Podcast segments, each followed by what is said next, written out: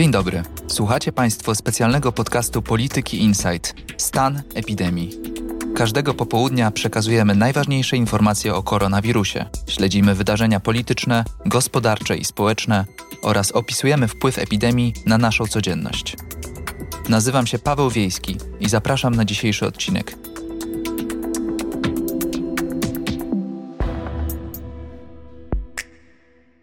Jest wtorek, 9 czerwca. W Polsce zarejestrowano ponad 27,5 tysiąca osób z potwierdzonym pozytywnym wynikiem testu na koronawirusa. Zmarło 1185 osób. Na świecie jest ponad 7 milionów 150 tysięcy zachorowań i ponad 400 tysięcy zgonów. Liczby zmieniają się szybko, a aktualne informacje dotyczące Polski znajdziecie Państwo na stronie gov.pl ukośnik koronawirus. Dziś rano Rafał Trzaskowski złożył w Państwowej Komisji Wyborczej podpisy potrzebne do zarejestrowania go jako oficjalnego kandydata w wyborach prezydenckich. Do rejestracji potrzeba przynajmniej 100 tysięcy podpisów, a prezydentowi Warszawy, mimo epidemii, w ciągu 6 dni udało się zebrać kilkanaście razy więcej. Państwa tych podpisów jest już dzisiaj policzonych milion sześćset tysięcy. Po weryfikacji podpisów przez PKW, Trzaskowski zostanie oficjalnie zarejestrowany jako kandydat w wyborach prezydenckich. Komisja ma czas na ogłoszenie listy kandydatów do 15 czerwca.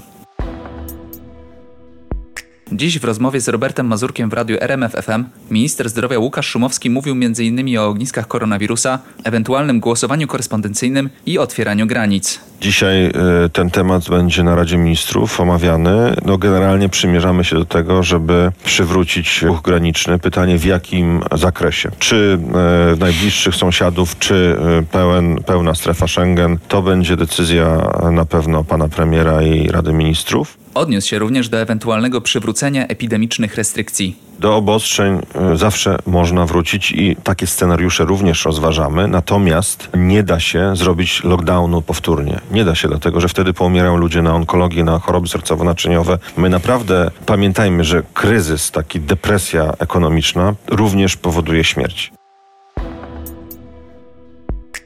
Od dziś 12 kopalń Polskiej Grupy Górniczej i Jastrzębskiej Spółki Węglowej tymczasowo wstrzymało wydobycie węgla. W reakcji na decyzję Jacka Sesina dwaj liderzy górniczej Solidarności, Bogusław Hutek i Dominik Kolosz, domagali się, żeby nadzór nad górnictwem osobiście objął premier Mateusz Morawiecki. Związkowcy twierdzą, że Sasinowi brakuje podstawowych kompetencji i umiejętności do sprawowania prawidłowego nadzoru właścicielskiego nad sektorem wydobywczym. Domagają się również cofnięcia decyzji o wstrzymaniu wydobycia, bo może ono doprowadzić do likwidacji kilkudziesięciu tysięcy miejsc pracy na Śląsku. Czy rząd próbuje jedynie powstrzymać rozprzestrzenianie się wirusa na Śląsku, czy może to preludium do zmian w całym sektorze wydobywczym? Na te pytania próbuje odpowiedzieć Karolina Baca-Pogorzelska i Robert Tomaszewski w dzisiejszym podcaście Energia do zmiany. A co naprawdę planuje rząd? To myślę, że nawet sam rząd jeszcze do końca nie wie, co planuje. Ja dzisiaj napisałam, że takim kolejnym krokiem w reformie górnictwa byłoby to, o czym Ministerstwo Aktywów Państwowych mówiło już dosyć oficjalnie, czyli skupienie powiedzmy kopalń w jednym ręku, umownie mówiąc, czyli projekt o roboczej nazwie Polski Węgiel. Ta nazwa pojawia się od, odkąd jestem w górnictwie w 2007 roku, więc od dawna. Ale newsem jest to, że tym polskim węglem, rolę tego polskiego węgla miałaby spełniać spółka Węglogox. Czy rzeczywiście kopalnie Tauronu Wydobycie i Polskiej Grupy Górniczej zostaną przeniesione do węglokoksu? Myślę, że przekonamy się o tym dopiero po wyborach prezydenckich i to po ewentualnej drugiej turze, bo te decyzje na pewno w kampanii wyborczej nie będą formalnie komunikowane, bo wywołałyby zbyt dużo zamieszania. Proszę spojrzeć, jak zamknięcie, zatrzymanie, przepraszam, jaką burzę wywołało wczoraj. Trzeba było od razu w drugim zdaniu dodać, że górnicy dostaną 100% postojowego. To fenomen, patrząc na inne grupy zawodowe. Badanie przeprowadzone przez zespół z Harvard Medical School sugeruje, że epidemia koronawirusa mogła zacząć się w Chinach dużo wcześniej niż wynika to z oficjalnych danych. Opierając się na zdjęciach satelitarnych, naukowcy odkryli, że już na przełomie lata i jesieni zeszłego roku pod szpitalami w prowincji Wuhan parkowało znacznie więcej samochodów niż zwykle. W tym samym czasie w chińskich wyszukiwarkach wzrosła liczba zapytań dotyczących symptomów, które później zostały rozpoznane jako towarzyszące COVID-19. Aplikacja Protego Safe jest już dostępna do instalacji na smartfonach, poinformowało dziś Ministerstwo Cyfryzacji. Stworzony na zamówienie rządu program ma pozwolić na śledzenie kontaktów i informować użytkowników, jeżeli mieli kontakt z osobą zarażoną. Wbrew wcześniejszym zapowiedziom resortu, aplikacja została wypuszczona zanim został opublikowany dokument zawierający ocenę skutków dla ochrony danych. Ten dokument ma pojawić się w ciągu kilku najbliższych dni. Na konferencji prasowej minister cyfryzacji Marek Zagórski podkreślał, że warunkiem sukcesu aplikacji jest jej powszechne stosowanie. Ważne jest to, żeby ta aplikacja, i to jeszcze raz powtórzę, była używana powszechnie. Czym więcej osób e, tą aplikację e, zainstaluje, e, tym większa możliwość, tym większa jej skuteczność, dlatego że będziemy, będziemy mogli po prostu lepiej i bardziej precyzyjnie typować osoby, które powinny zostać objęte opieką inspekcji sanitarną, opieką, opieką lekarską. A to wszystkim, wszystkim nam pomoże w utrzymaniu tego celu, jaki mamy, czyli panowanie nad pandemią, a najlepiej jej, a najlepiej jej likwidacji. O szczegóły działania aplikacji i o to, jak zabezpieczona będzie prywatność jej użytkowników, pytamy jednego z twórców Protego Safe, Mateusza Romanuwa, szefa firmy Titans24. Dzień dobry. Czy mógłbyś nam wyjaśnić na początek, jaka była Twoja rola przy tworzeniu aplikacji Protego Safe? Od początku w ramach projektu Safe Safe, dopiero jak się pandemia zaczęła w Polsce rozkręcać, tak naprawdę dzień po ogłoszeniu tego, że będzie lockdown, zainicjowałem taką akcję E, żeby firmy informatyczne, z którymi właściciele firm, z którymi się po prostu znam osobiście, co możemy zrobić, żeby, żeby pomóc. Powstał pomysł na aplikację. E, wykonaliśmy pierwszą wersję e, właśnie aplikacji SafeSafe jako taką oddolną inicjatywę społeczną, a później pod wpływem też rozwoju sytuacji na rynku i, i sytuacji epidemiologicznej ten projekt się połączył z projektem Protego i w, w momencie tego połączenia powstał projekt Protego Safe i, i od tamtego momentu jestem powiedzmy tutaj menadżerem, który odpowiada za to, żeby ten projekt został dowieziony, a jednocześnie reprezentantem firm, które w ramach tej realizacji e, biorą w tym udział. Dobrze, to jakbyś mógł nam opowiedzieć, jak działa Protego Safe, co to jest za aplikacja, jakie są jej funkcje? W tym momencie e, aplikacja Protego Safe w wersji 4.1.1, która dzisiaj się ukazała na system e, Android, a, a mam nadzieję w ciągu najbliższego czasu będzie też dostępna na iOS. Opiera się na dwóch podstawowych e, funkcjach. Pierwsza, ta, która e, działała do, do tej pory, czyli test oceny stanu zdrowia, w ramach którego użytkownik może, odpowiadając na konkretne pytania, dostać informacje czy objawy, które ma, kwalifikują go do którejś z grup ryzyka zachorowania na COVID-19. A druga funkcjonalność, najważniejsza, która właśnie zaczyna działać od dzisiaj, to jest funkcjonalność oparta na e, technologii Google i Apple'a, czyli e, możliwość e, tworzenia historii kontaktów pomiędzy urządzeniami, kontaktów w sposób anonimowy, która w, może nas ostrzec, jeżeli mieliśmy kontakt z osobą chorą na COVID-19. Jak działa ta, ta funkcjonalność? E, nasze urządzenie, jeżeli ma, jeżeli zainstalujemy aplikację i podamy właśnie pozwolenia, żeby korzystała z tego wbudowanego już w tym momencie natywnie w system operacyjny Android i iOS e, moduł covidowy, aplikacja e, wtedy skanuje co jakiś czas otoczenie i sprawdza, czy w otoczeniu są inne urządzenia, które również mają zainstalowaną aplikację. I taką historię E, spotkań e, w sposób anonimowy zapisuje lokalnie na telefonie.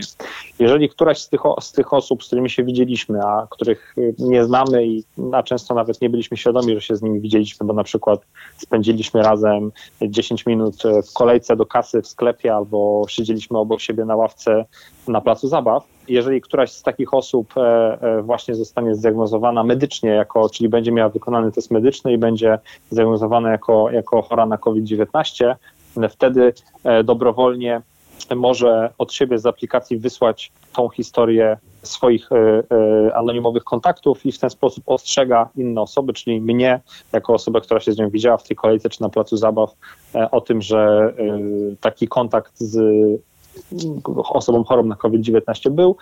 Jeżeli ten kontakt zostanie przez moją aplikację potwierdzony, wtedy aplikacja wylicza, w jakiej e, grupie ryzyka jestem i dalej informuje mnie, co powinienem robić, gdzie powinienem dzwonić, jak powinienem się zachowywać, żeby zachować bezpieczeństwo dla siebie i innych. Czy ktoś będzie miał dostęp do tych danych? Przede wszystkim, jeżeli mówimy o tych danych, to trzeba powiedzieć, jakie to są konkretnie dane. A mianowicie w obecnej wersji aplikacji te dane to jest tylko i wyłącznie jedna dana, która się nazywa Exposure Keys i to są takie anonimowe kody, które e, aplikacja przypisuje każdemu użytkownikowi i nic więcej. Czyli nie ma jakichś innych magicznych danych. Nie ma e, imienia, nazwiska, numeru telefonu, jakiejś lokalizacji, numeru buta.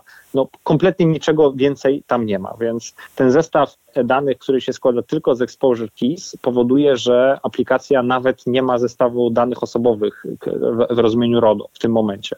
Więc to jest taka sytuacja, że, że my oczywiście o to, o to privacy i security dbamy no, ekstremalnie mocno, ale też trzeba pamiętać o tym, że te dane są tutaj bardzo, bardzo ograniczone tylko do tej jednej pozycji. E, I teraz, gdzie to się znajduje? Te exposure keys e, są nadawane i zapisywane lokalnie na urządzeniu użytkownika, a następnie, jeżeli użytkownik jest potwierdzony jako chory i chce te dane przekazać innym użytkownikom, żeby ich ostrzec, są przesyłane przez serwer na telefony innych użytkowników i na telefonach dalej są sprawdzane, czy ja miałem kontakt z taką osobą. W związku z czym system jest rozproszony, i nie ma jakiegoś jednego miejsca, które jest centralnym magazynem, który wykonuje obliczenia i sprawdza, kto się z kim widział, ponieważ te obliczenia wykonuje moja aplikacja na moim telefonie u mnie lokalnie i o tym obliczeniu wie tylko i wyłącznie moja aplikacja, nikt więcej. No i z tego względu system właśnie jest systemem rozproszonym, co gwarantuje maksymalne privacy, i jest spójny też z tymi wytycznymi, które są stawiane przez zarówno Parlament Europejski, taką komisję e-Health Network, która się przy, par przy parlamencie y, zawiązała i w której się udzielają właśnie Ministerstwa Zdrowia wszystkich e, e, członków e, Unii Europejskiej w związku z, z tą pandemią. Nie jest to w gruncie rzeczy bardzo skomplikowane. Najważniejsze, że te dane są tylko u nas na telefonie. W tej części serwerowej one po 14 dniach są usuwane, a nawet tam nie pozwalają na jakąkolwiek, na jakiekolwiek ich wykorzystanie po prostu. Jako posiadacz starego telefonu mam takie pytanie techniczne. Wiem, że aplikacje, które wykorzystują technologię Bluetooth zazwyczaj są wyłączane przez system, żeby nie zżerać zbyt dużo baterii.